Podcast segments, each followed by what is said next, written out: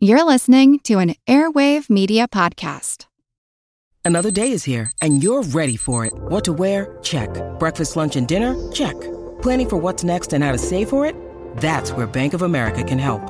For your financial to dos, Bank of America has experts ready to help get you closer to your goals. Get started at one of our local financial centers or 24-7 in our mobile banking app. Find a location near you at bankofamerica.com slash talk to us. What would you like the power to do? Mobile banking requires downloading the app and is only available for select devices. Message and data rates may apply. Bank of America and a member FDIC. When you need mealtime inspiration, it's worth shopping Kroger, where you'll find over 30,000 mouthwatering choices that excite your inner foodie. And no matter what tasty choice you make, you'll enjoy our everyday low prices, plus extra ways to save, like digital coupons worth over $600 each week. You can also save up to $1 off per gallon at the pump with fuel points. More savings and more inspiring flavors make shopping Kroger worth it every time. Kroger, fresh for everyone. Fuel restrictions apply. This is Kick Ass News. I'm Ben Mathis.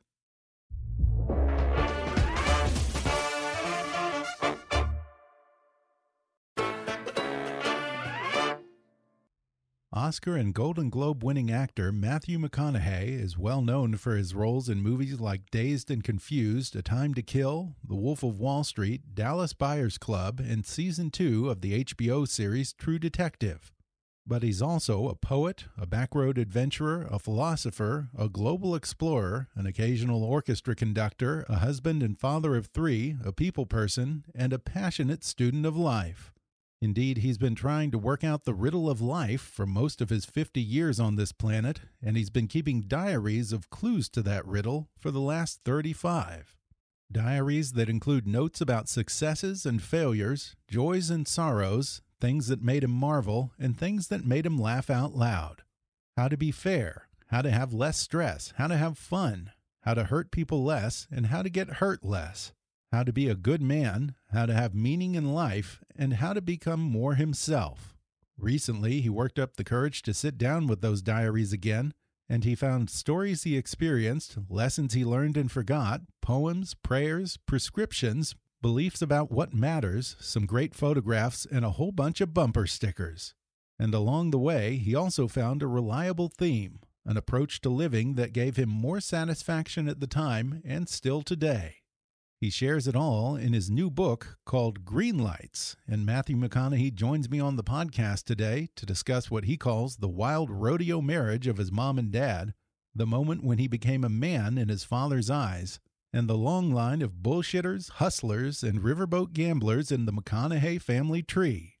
He talks about landing his first role in Richard Linklater's Dazed and Confused, the line that opened up the character of Wooderson for him, and how an improvised line in a scene that wasn't even supposed to take place became the catchphrase that has followed him ever since. He recalls going from total anonymity to a celebrity in the span of just 48 hours, stepping away from Hollywood for 20 months at the peak of his success in order to land the kind of serious roles that he really wanted, and the long road to his Academy Award winning performance in the Dallas Buyers Club. Plus, Matthew talks about healing our nation's divisions finding our tribe in our shared values, and whether he just might want to run for office himself one day. Coming up with Matthew McConaughey in just a moment.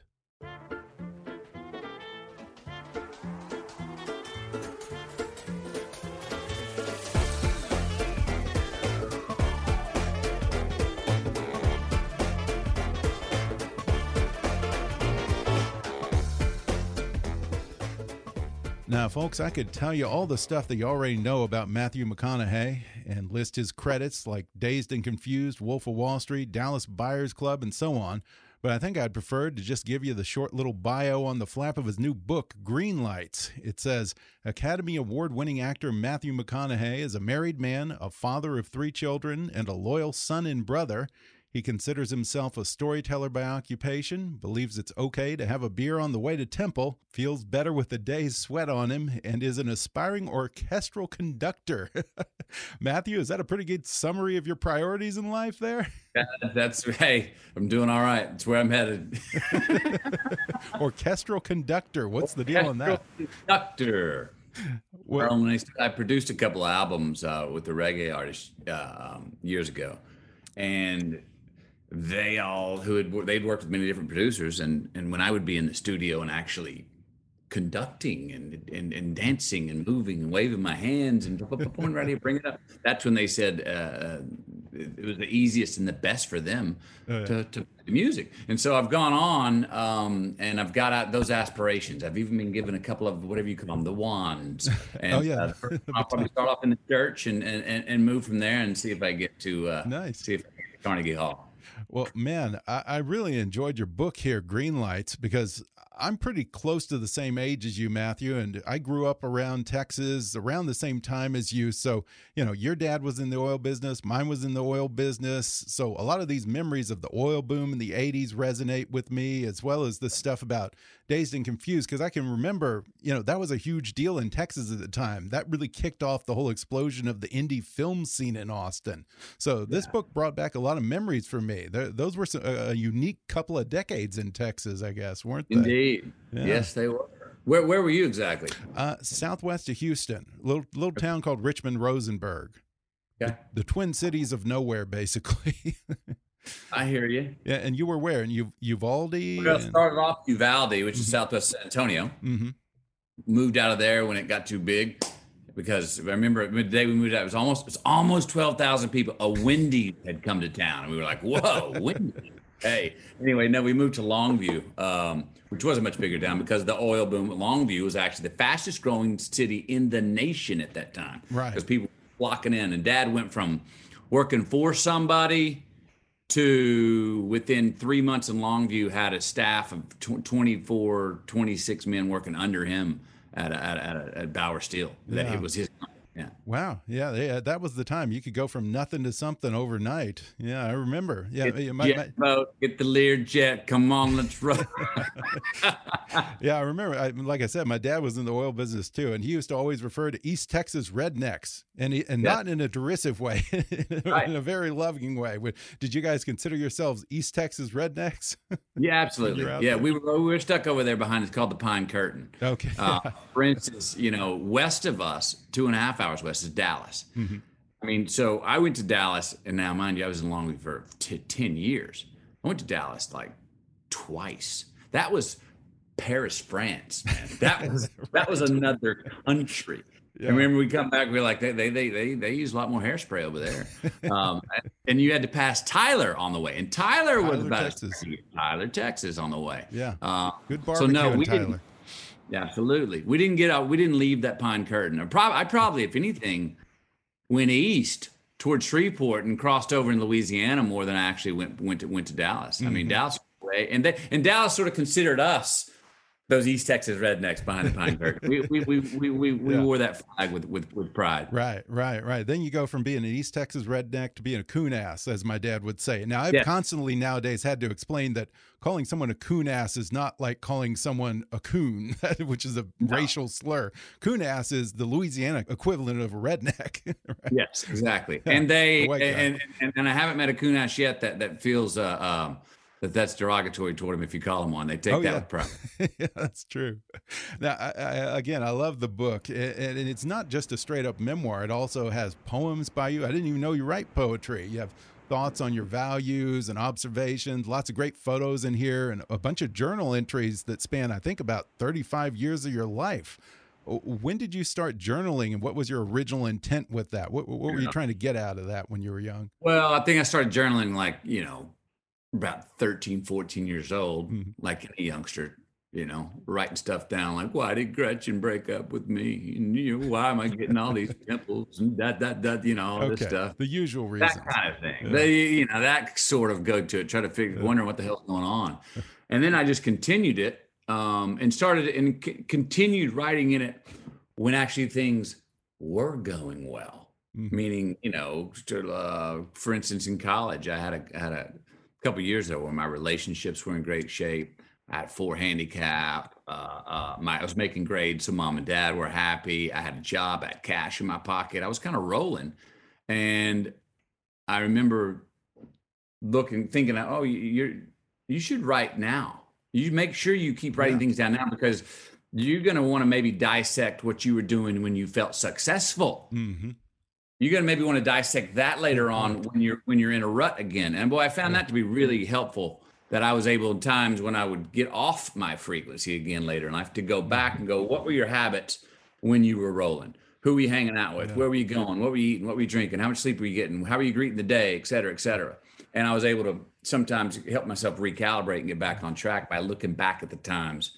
I wonder, ha have all those journals and this introspection ever come in handy with your acting, help you prepare for a role or something? Oh yeah, Really? When I and I've kept and I've kept, you know, I still keep, I still keep journals, and on every single, I have a journal for every that I've kept on every single movie that I've done, Oh, and? I'm not writing about. Uh, it's not really about the movie. It's how am I seeing the world through the character I'm playing's eyes. Mhm. So, um, you know, I've got some some some really good life stuff that I've learned when I'm writing things down on the set of a movie of a character I'm playing. Mhm. Um, but I mean, every you know, sports have been big. The preparation for sports is is is is is very much like what I do. You just you go out. It's a yes, yes. I am the one in front of the camera. The lights on me. I better have my playbook. I better know my playbook upside down and backwards, and feel comfortable for anything to happen. Be able to call proverbial audible while the camera's rolling. At the same time, there's about 120 people in the crew that have to be great at what they're doing for what I for for, for what I'm doing to work. So it is a team. It's it's, it's a big, well-oiled machine. When it's working well, it's incredible team play to make it work, to make a good film, or to pull off a successful day of filming, and a successful week, a successful month, a successful three months um, of filming. Um, but it's also also at the same time an individual sport. Um, everybody better be the expert at what they're doing uh, um, and have their best day for everyone to succeed. Does it feel like a lot of pressure? You're the guy who has to carry a movie. You know, at, at one point you weren't. You were just starting out, but now you are the guy, and it rides on your shoulders. And box office rises and falls, Sure. and a good part of that's on you. That must feel like a lot of pressure. Yeah, but I've come to. I mean, I prefer it that way. hmm I definitely prefer it that way. Here, here's a good example um, of, of we. I worked on this one film, Killer Joe, and William Friedkin, the director, comes up and day one comes up to the uh, brings over the whole cast. He goes, "Okay, new rule on set." Go. He goes, "One take. you get one take, nothing more." well, you immediately go.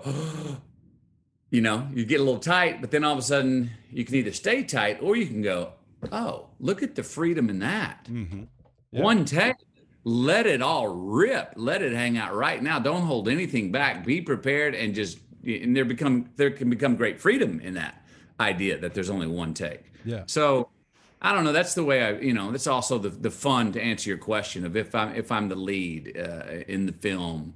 Uh, if I'm, you know, I like to carry that baton. I like to feel like here we go. We got one take, and let's do it our way. Now, look, does the does it also matter how the film does? Sure. You know, the, I I I'm the one that sometimes the the the, the studios relying on to go sell and market the movie. Um, you know, so you know, the, there becomes little things, and then that still doesn't guarantee that the movie does well. Sure. You know what I mean? So then you're measured on how the box office do, and that's where I talk about this in the book. In Hollywood, it's like most things in business; it's not personal; it's business. I mean, um, you know, and so if the movie does well, yes, I, I, I could have done the same work in the movie, right? Mm-hmm. The exact same work could be a bomb or a major success. Right. Right. You you earned your paycheck. You've earned it, but it, but I will, but the paycheck will be higher or lower next time Right. based on what the movie made, not how Yeah. good we internally thought the movie was. Yeah, yeah. I, I wonder if that whole one take thing works well for you because uh, I have to say you you've always seemed like a guy who is pretty authentic in every performance that you've done. Uh, Everything that we see seems like there's some touch of truth to it about you. Hope so. You don't seem like a guy who's had much use for acting classes. I'll put it that way. Well, no, I I I haven't, but I but I did learn. I worked with the lady Mm-hmm. Penny Allen for 19 years, starting in really? 1997. Yeah. Um, but look, I mean, that's you know, the, what's the biggest compliment that I can get as an actor? I think any actor could get is that after every single role, people come and go, "That was you. You weren't acting." That's the biggest compliment Right. you can get. It's again Yeah. like an athlete. It, it, it to, to, when you kind of if you're going to master something, it, mastering something gets to where it looks absolutely simple, Mhm. and you don't see the work in the play. You don't see the, the you don't see me thinking about it. You don't see a perform a great performer thinking about what they're doing, just as you don't see a great athlete for thinking about what they're doing. Right. it's the Um, whole myth of effortlessness. Yeah, the, and and what you don't see is all the ground and pound and sweat that I break through two months leading up to the role. Yeah. that's when I'm working. Once I show up set, I'm playing. I'm I'm like four dimensionally press record. Give me whatever you want. I'm ready. Um, And I've thrown I've thrown the playbook out. You know, I just know it up up upside down and upside and backwards. So. Yeah. Yeah, I love the section in here where you talk about how, all the preparation that you did f- to be a dragon slayer in Reign of Fire. Is it true that you really were tackling cows and Yes. running barefoot in the desert? Well, you're gonna go play a Dragon Slayer, right? Yeah. What would I do? I'm gonna go out to my brother's ranch, It's been two months out there, and I get these bright ideas. Yeah, I'm gonna wake up. I'm gonna have a double shot of Cuervo right when I wake up at sunrise. You know, well, I'm gonna I'm gonna I'm gonna go run. It was summertime too, and it's out in West Texas, and I'm bare deciding feet? to run Yeah. Yikes. in West Texas. Yeah. and you know that that ground out there is not it's not like soft sand or Yeah. anyway, but I just I go. I'm going to run two and a half miles out, two and a half miles back, and then it, then it, then at night after I eat dinner under moonlight, I'm going to go out. I'm going to go out and start and, and wrestling cows and knock them over. Well, though, as you see in the book, those plans uh, backfired on me pretty quickly. Um, not, I wasn't able to do that for two months, much less two weeks. I got I got injured pretty quickly. Yeah. Uh, Yeah. And, yeah. and plus, the movie wouldn't have been able to have that little PETA approval at the end of the credits, you know? So, no, no, no, No. animals were harmed in the making of this movie. well, they harmed me back, so they got even. right? Uh, you open this book with what, for most people, would seem like a pretty dark scene of near domestic violence. And you later talk about how your dad came to blows with your brother at some point and even challenged you to fight him. For a lot of folks, this kind of stuff would be the kind of scarring events that would send them into therapy for years. But you seem to have taken it in stride, like kind of like that's just how mom and dad are. Uh, how did you process all that stuff? Well, it is how mom and dad were. Yeah. I mean, they had a rodeo of a relationship. It was a bull ride. You know, they they they their relationship. They were they were divorced twice, married three times to each other. I mean, there's a good example of how rocky of a road they like. That was they, that you know, I mean, you know, they just they wanted to have a couple more honeymoons. So they said, well, let's just get divorced. You know what I mean? So I can really look forward to seeing you again when you come back. Um, and there's no sentimentality about it. I mean, look, the, the the love that my mom and dad had for each other, the passion that they had for each other, the the the the love that my mom and dad showed me and my two brothers was never ever in question. So these things that you could look at on paper and go, geez, that looks abusive. Geez, call, call child protection services. Geez, McConaughey, you must have had therapy for the past 40 years. No, no, and no. Um, and I think that's because the love was never in question. It's just how my mom and dad communicated. And trust me, my dad was not challenging me to a fight because that was a that was a one way ticket to a, to a loss if that would have happened. Right. Dad You were smart enough to know that, Same, right? same with my older brother. If dad really wanted to fight, dad's going to win. What he wanted us is to accept the challenge of saying, hey, yeah, you know, for my instance in the book is I lied to him and he gave me four chances to get out of that lie, but I weaseled. And I was so deep in it that I, I lied even the one more time. And that's when he challenged. And, you know, uh, you read the story in the book, but I remember that story. It wasn't, you know, him saying, hey, come on, give me, I'll, I'll give you four to my one mm. shots across the kisser. If I would have hit him the one time, if I'd hit him four times, he would have never hit me the one time. He, he, oh, all he wanted me to do was maybe just get ready to strike him the first time and then give him a good look. And then he'd have gone like, mm. gosh, dang, boy, pretty good. Right. Come here, buddy. That, that was it. You know, and that, he, he was never going to hit me. Yeah. It was just accepting that challenge that he wanted, Yeah. wanted But- me and But you, but you turned down that challenge. So, what was the rite of passage for you? When did you become a man in Dad's eyes? Well, there was a moment that was a bit of a rite of passage, and it did have to do with a physical altercation. It was he and I were, um, I think I was around twenty or so. I don't know. We were coming out of a, a bar and over there near where you live. We were around Sugarland. Oh, okay. Yeah, that was right by me. Yeah, and um, we'd had a couple beers, and we uh, we were walking out, and this big jacked up, kind of roided up bouncer steps in front of my dad, and uh, as I had already walked out, and puts a hand up to stop him. Goes, "Sir, did you pay your bill?" And my dad goes, "Yeah, but," and we did pay our bill. And as my dad kept walking by, this guy put a hand out on my dad's chest. Ooh. And just as I saw the hand go to his chest and saw my dad guy eyes start to look down, which my dad was about to handle the guy. Next thing I know, I'm being pulled off of the bouncer, and I've knocked him. The bouncer's on the ground, 20 feet back inside the bar, on his back on the ground, and it's my dad saying, "That's enough. That's enough. That's enough, son." So that was uh, it.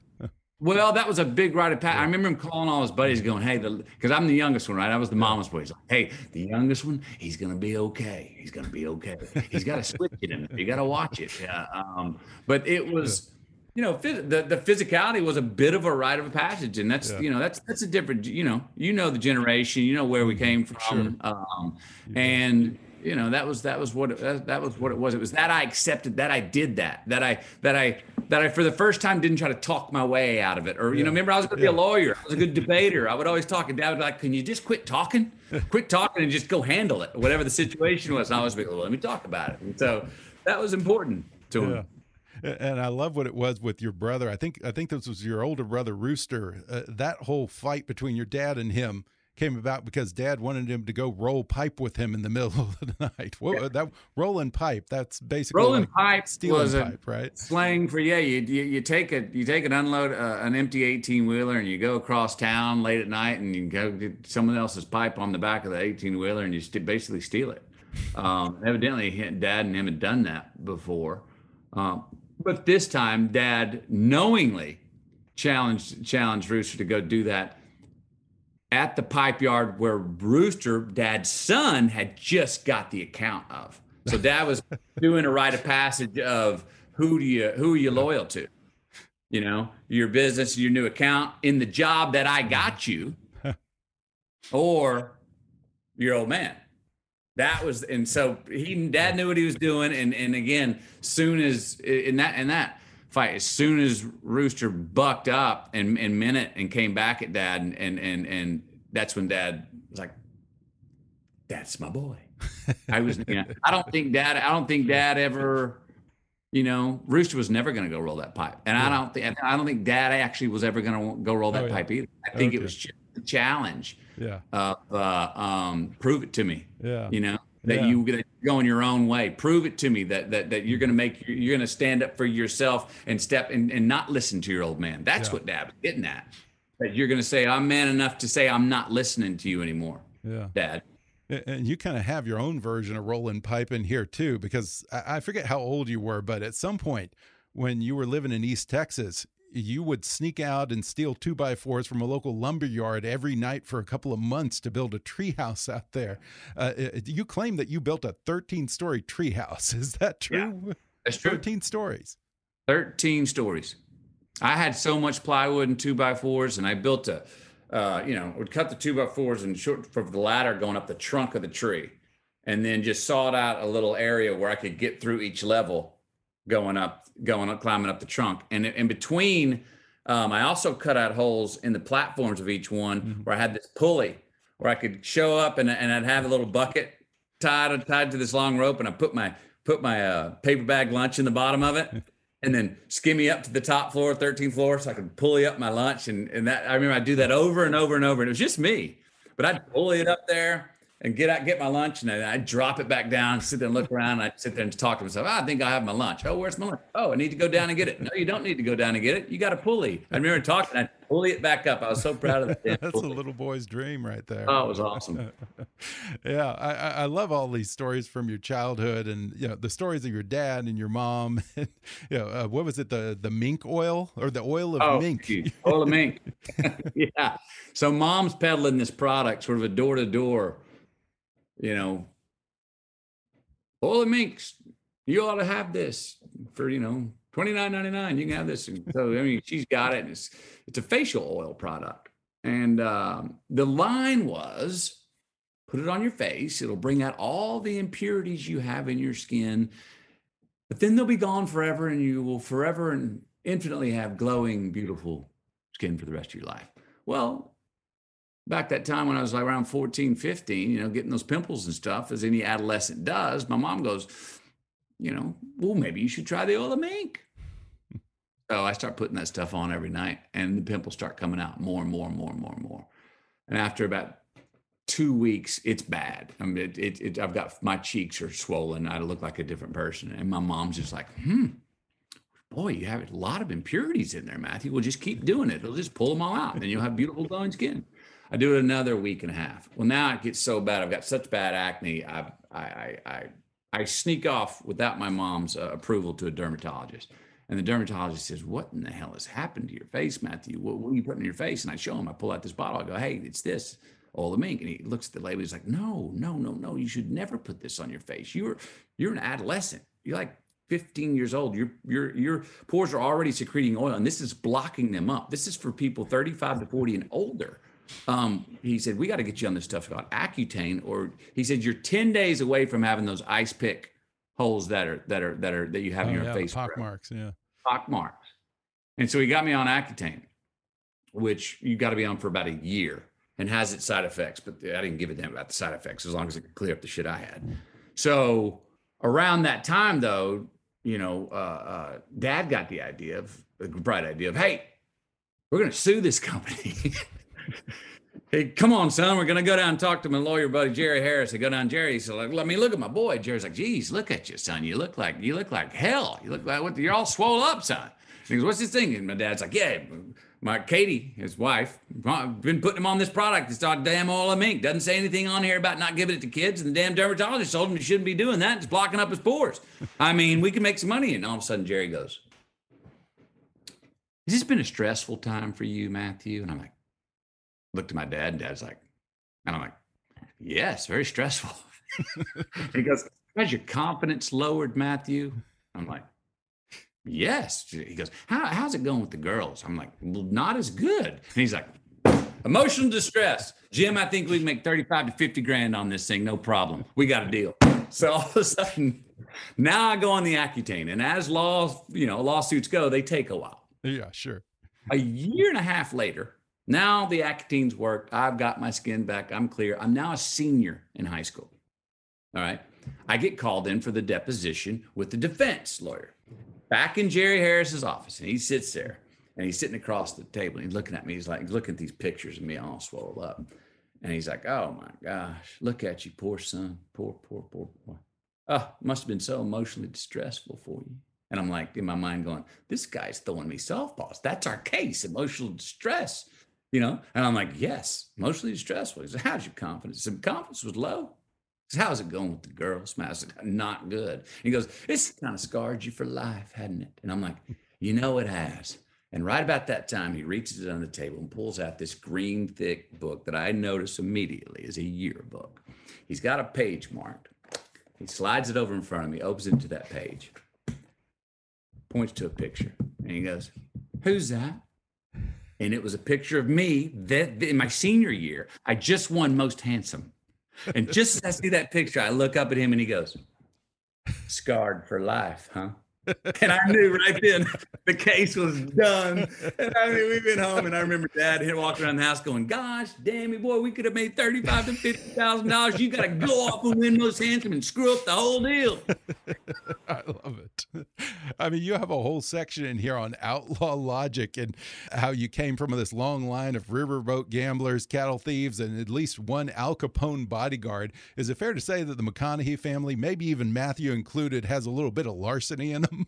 I look, I looked at my family tree. Yeah. Went deep on it, ancestry.com. There was no royalty. and that's putting it lightly. Um, yeah, there was a, a um, I look back and I was like, dang, you've done pretty good, Matthew. I even broke a chain in some places. I think at one point you you talk about the difference between bullshitters and liars, and you say you, you like bullshitters better than liars. What's the difference for you? Well, a bullshitter can sit there in the middle of it and you see them start to tell the tall tale, but they're letting you know with the twinkle in their eye that you just yeah. go with me here. You know, a liar is just trying to stick. No, this is exactly this is exactly what happened. So I saw it. And they're gonna. They're, they're, so the bullshitter lets you know they're lying mm-hmm. in the way that they're bullshitting. So I love a good bullshitter. Um, you know, and, and, I, I trust a bullshitter over a liar. We're going to take a quick break, and then we'll return with more when we come back in just a moment.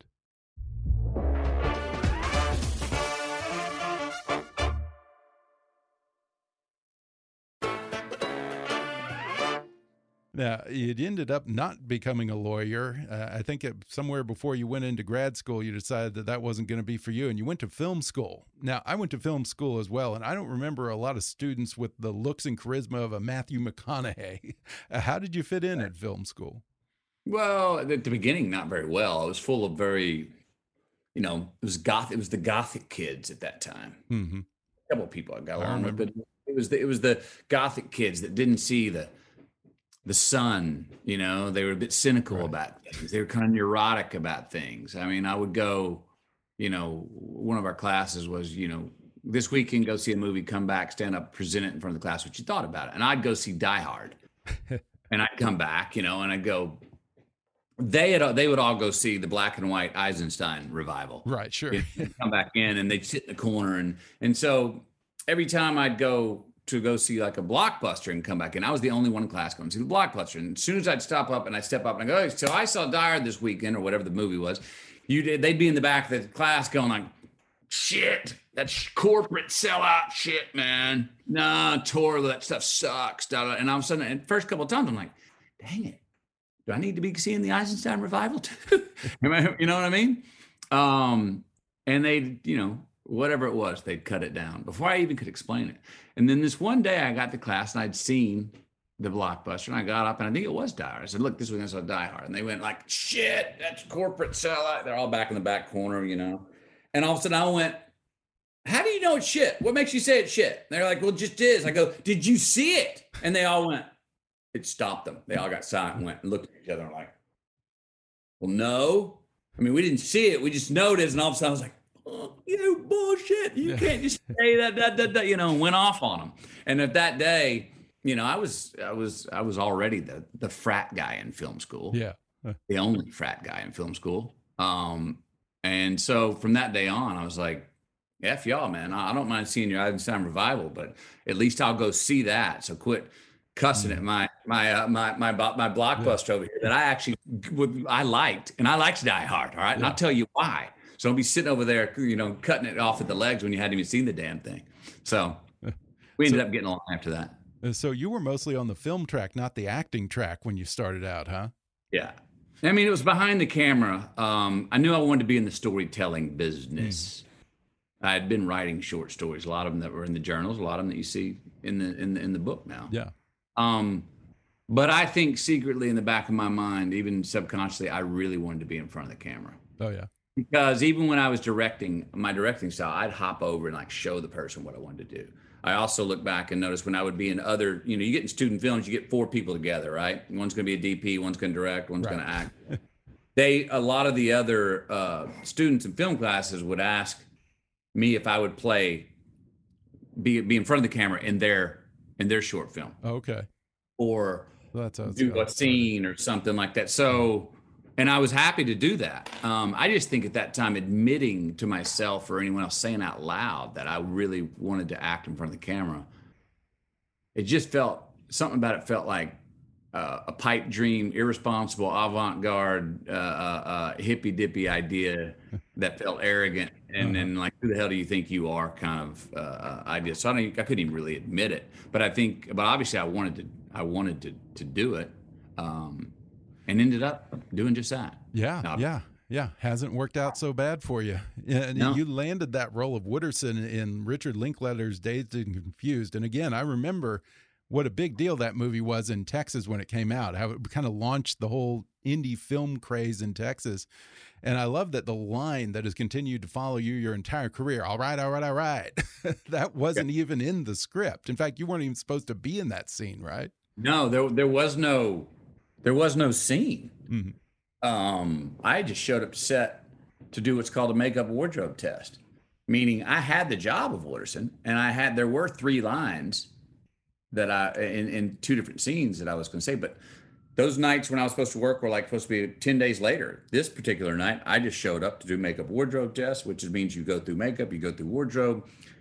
I'm on the set. They're shooting other scenes with other actors. The director gets a break, comes over, looks you up and down. Linklater looks at me, says, "Oh wow, man, yeah, this is, I like this. This is Wooderson, cool hair. You got the peach pants. Oh, is that Ted Nugent? Oh, is that a pipe you got around your? Oh, cool peach pants. Right on. Da da da da da." And just as I'm about to leave, he goes, "Say, um, you know, Wooderson's a type of guy. He's probably been with the typical hot chicks at high school, you know, cheerleaders, major red, stuff like that. He goes, Do you think Wooderson would be interested in the redheaded intellectual? I'm like, Oh, yeah, man. You know, Wooderson likes all types of chicks. He's like, Yeah, well, Marissa Ribisi's over here. She's playing the role of Cynthia, the redheaded intellectual. You know, school's just ended and, and, and nobody knows, maybe, you know, no one knows where the, if there's a party tonight, maybe, you know, I don't know, maybe pull up in the top notch, try and pick her up. I'm like, Yeah. Well, the next thing I know, I'm in the I'm sitting there about to shoot my first scene in a movie. There's nothing scripted. The scene is I'm going to pull up and try and pick her up and kind of let her know that there's a party later on tonight and where that party is. Moon Tower, right? And like I said, there's nothing written. I start to get a little bit anxious. So I'm sitting in my car and I'm starting to go, okay, who's my man? Who is Wooderson? Who is Wooderson? What is Wooderson about? And in my mind, I said, well, I'm in my 70 Chevelle. There's one in my mind, I said, Wooderson's back getting high. I'm like, Slater's riding shotgun. He's always got a doobie rolled up. There's two. I said, Wooderson's about rock and roll. I said, Well, look, man, I got Ted Nugent Stranglehold in the eight track right now, rocking to that. That's three. And then I hear action. And I look up, and there's Cynthia over there, the redheaded intellectual. And in my mind, I say, And Wooderson's about picking up chicks put it in drive, pulled out. In my mind, I said, You got three out of four going to get the fourth. All right, all right, all right. And that's where that came from. It was the three affirmations for the three things Wooderson did have mm-hmm. going to get the fourth. Batting 750, going to bat a thousand. Yeah. Yeah, you say that uh, in every script that you read, there's usually what you call a launch pad line that unlocks that character for you. What was the launch pad line for Dazed and Confused for Wooderson? Yeah, the Wooderson Launchpad, I have one of those three lines, mm-hmm. classic line that Linklater wrote, was there in front of the pool hall. And um, one of the high school girls goes by and Wooderson kind of checks her out. And his buddy, te- buddy leans up to Wooderson and says, Wooderson, you got to cut that out, man. You're going to end up in jail. And Wooderson says, No, man, that's what I love about those high school girls, man. I get older. They say the same age. Well, that line, I'm like, I'm like, yeah who's that dude? I mean, that line is not an attitude. If he's not trying to make a joke, if he's not like going, it's a different line. If, if you go like, no, man, that's what I like about the high school girls, man. I get older, they stay the same age. It's a, it, there's nothing, Wooderson, there's nothing cute about it. Wooderson, that was like his POV. Like he felt mm-hmm. like he had the world figured out. Like he was living his salad days. Like he was the king of his own throne. And so if you unpack and like what the reason I call it launchpad lines because if you unpack, if someone takes a line like that literally, if a character like that is their ethos, you can write a book on somebody that that person looks at the world in a completely unique way every that person goes home does a yeah. and you can think about what is it how's that what's where's that person live? That tells you about what their house looks like. That tells you what they drive. That tells you what kind of job they got. That tells you how far from home they'll go you know that it, it tells you all kind of things. And so it really opened up to who Wooderson was for me.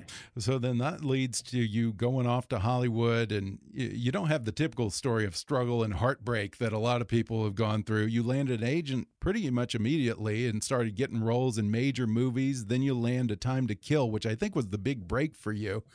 And yeah. you recall before that movie came out, you could go down Third Street Promenade in Santa Monica in total anonymity and be just fine. Yeah. Then suddenly yeah. that movie opens that weekend, and within a day or two, you can't go anywhere without being recognized. Uh, how no, did you adjust to celebrity? So that um, that that was a that's a 48 hour 48 hour flip. The Friday wow. before that movie opened, meaning it opened, say it opens tonight at, at, at 7 p.m. Mm -hmm. That Friday afternoon, before that 7 p.m. screening, the first screening of Time to Kill, I was still meeting strangers and in, in the world. I still had anonymity. The next Monday morning, I came. I went back on that same promenade that Monday. Monday, it was actually Monday afternoon. So in less than 48 hours, the world had inverted. Everybody recognized me. I had no anonymity. Uh, um, the world was a mirror, meaning everyone all of a sudden had a, a biography of me. That coming up, going, "Oh my God, I'm so yeah, sorry about Miss Hud." Weird and you're like, well, number one, what who are you? Number two, how'd you know I had a dog? Number three, how'd you know my name was Miss Hud? Number four, how'd you, how'd you know she had cancer? You just skipped four things and jumped right into my life. You know what I mean? or, oh my God, I love you, I love you, I love you. And where I came from, I'm like, well, we don't throw those three words around.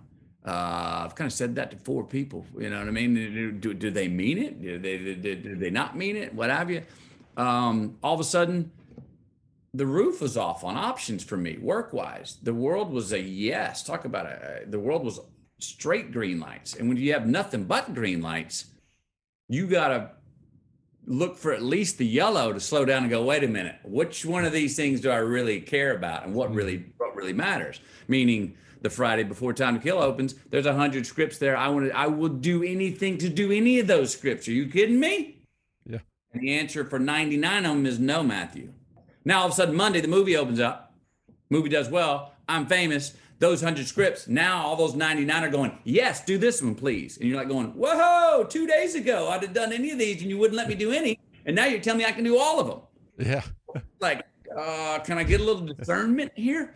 You know, so I packed up, went off to a monastery for a while, um, shook the city off of me, tried to, you know, let my memory catch up and see what mattered to me. Then I packed up and took a 22 day solo trip to Peru.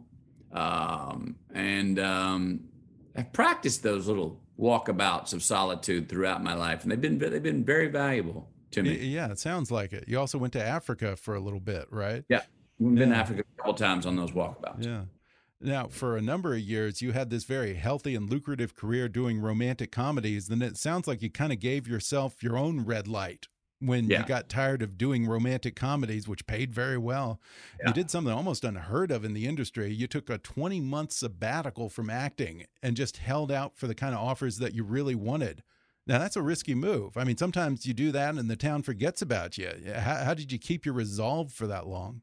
Well, the town did forget about me, and that's actually became the blessing because mm-hmm. at that time when I decided to take off, rom rom I was the rom com guy. Like you, right. you mentioned, they were going well. I was getting paid handsomely for them. I was the go-to guy for the rom coms. The movies were making money. They were making me a bunch of money, and I loved doing them.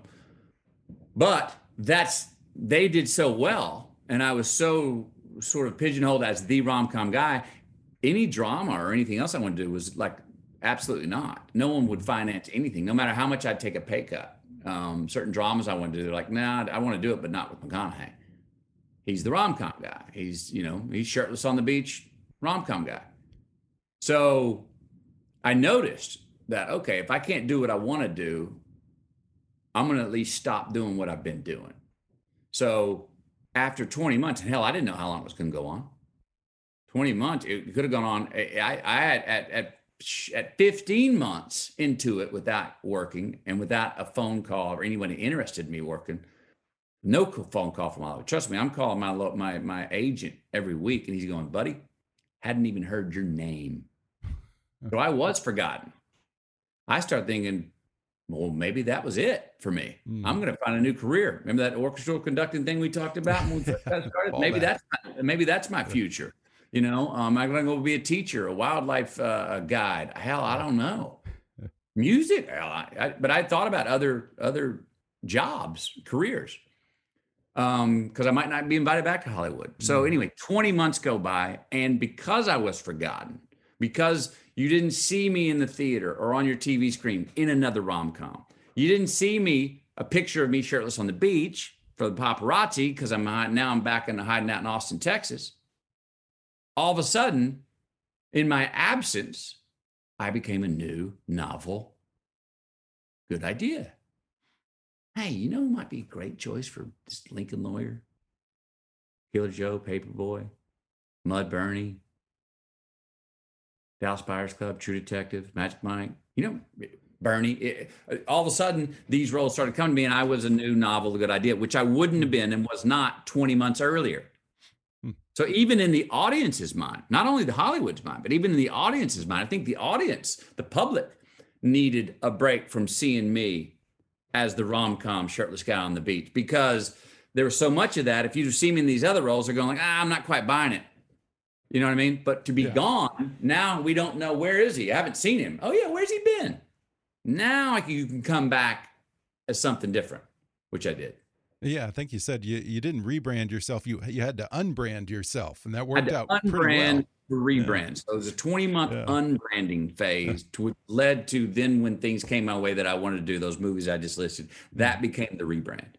Yeah, and it's worked out great for you. you. You've had what someone I think at some point called the McConaissance. You had a number of great roles, and then of course Dallas Buyers Club. Now you say in here that you had a tough time finding someone to make Dallas Buyers Club, or at least put up the money for it. How long were you guys trying to get that made? Well, I was attached to it for for years. Mm -hmm. I was attached to it before I took the 20 month sabbatical. Oh, okay. but nobody, even then, again, nobody. Number one, to get a period piece age drama financed is not at the top of studios list. okay, yeah. they're going uh, that well, okay, you know they don't want to. That that looks like a, a blockbuster. You know what I mean? So that was that's one. It's a hard movie to get made. Two, with me attached, even harder to get made at that time. Meaning, plenty of directors came by, loved the script, but said, "I'm not doing it with McConaughey in the lead." And so they moved on because I held the script. Some actors tried to get the script from me. I was like, uh uh-uh, this will have its day. I'm hanging on to this. I'm not giving this one up.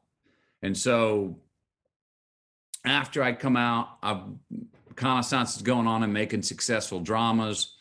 Um, even then, it's still very hard to get that movie made. Myself, we found the director, Jean Marc Vallée, we found Robbie, Robbie Brenner, the producers. We all got together and just basically put, we basically just said amongst ourselves, we're doing this And I think it was October of later this year. And this was around, I think, February ish. And we were like, October, we're going to do it. Let's just start location scouting and just start telling everyone we're doing it.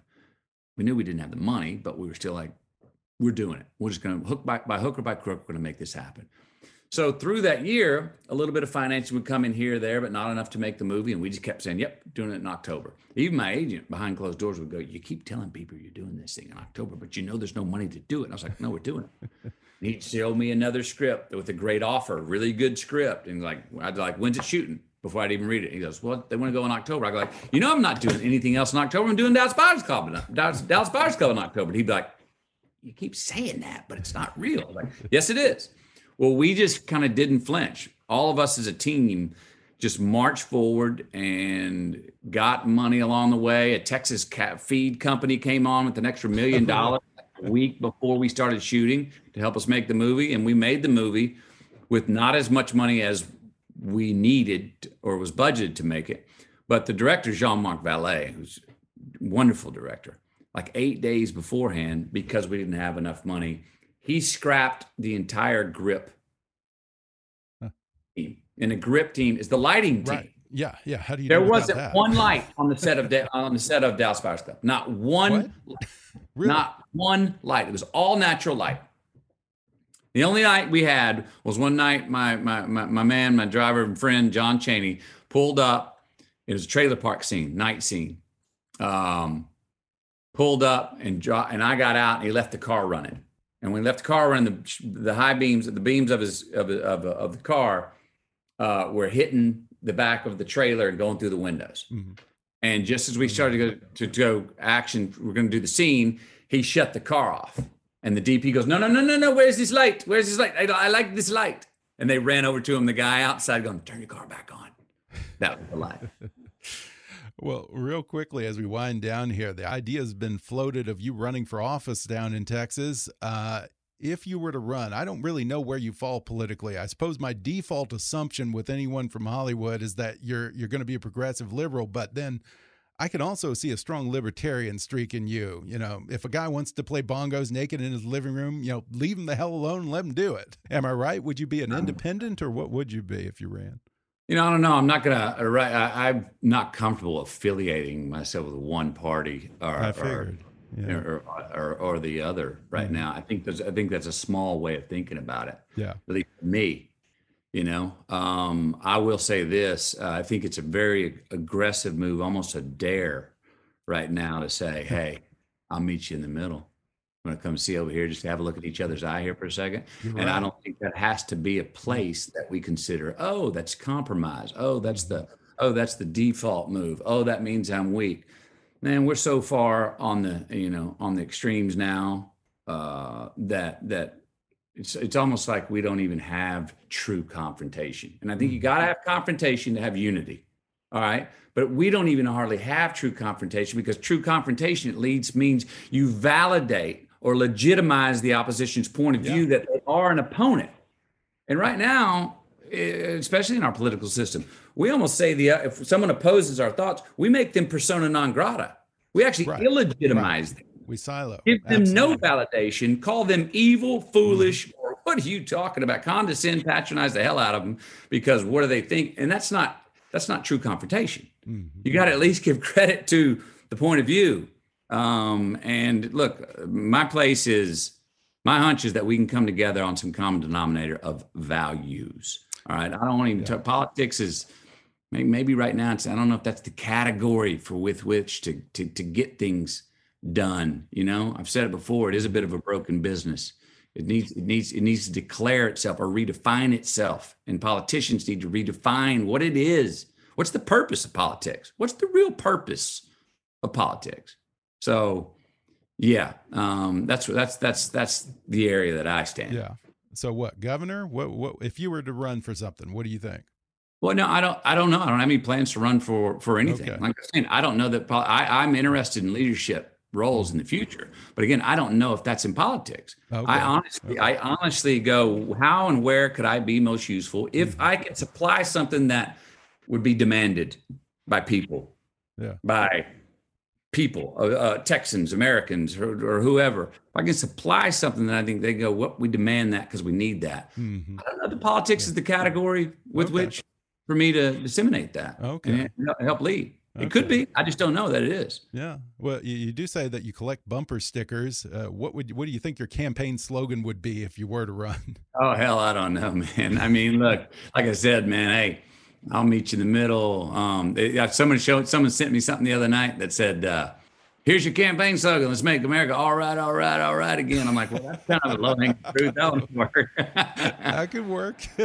or, or, keep or keep living. Isn't that that's kind of your mantra, living. isn't it? Keep well, look, living. Keep living's the one. I mean, that's really the umbrella that yeah. all of us live under. Yeah. Maybe um, keep living and leave me the hell alone.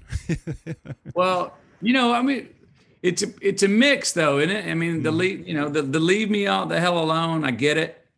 At the same time, we've got to recognize that we are a collective more so than we do. Mm-hmm. Now, true. That does not mean, you know, that doesn't mean trespassing on each other's rights or mm-hmm. or or or or, or uh, you know, it doesn't take away. I'm not talking about taking away individual freedoms, but we do need something we do need to bind some social contracts with each mm. other in whether they're uh, even yeah. if they're unsaid we need a bit of an understanding constitution that if you and i are hanging out and you and i shake hands on a deal i can tr- i can i want to be able to trust that you're not going to pick my pocket and screw me on the deal right we looked at each other and i mean there's some certain things of decency and integrity and responsibility and accountability um, even risk taking and sense of humor that we can we need to re bind between us and understanding that that trust is so low right now. No one knows who the hell to trust, man. Yeah. We don't trust yeah. others. We don't trust ourselves. We don't believe in others. We don't have a consensus between uh, uh, of science or leadership. Who the hell do we listen to? And what happens then? Then we start going really individual, where I ain't listening to anybody. Yeah. And then that's not a great recipe if everyone becomes so selfish that they don't give a damn about each other at all.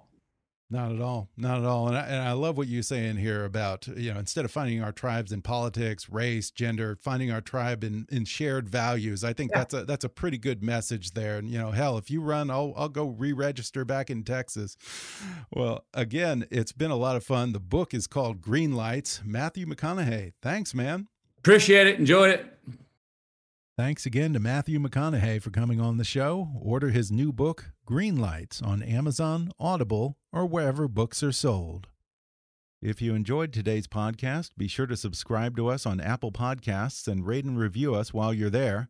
Five star ratings and detailed reviews are one of the best ways for new listeners to discover the show.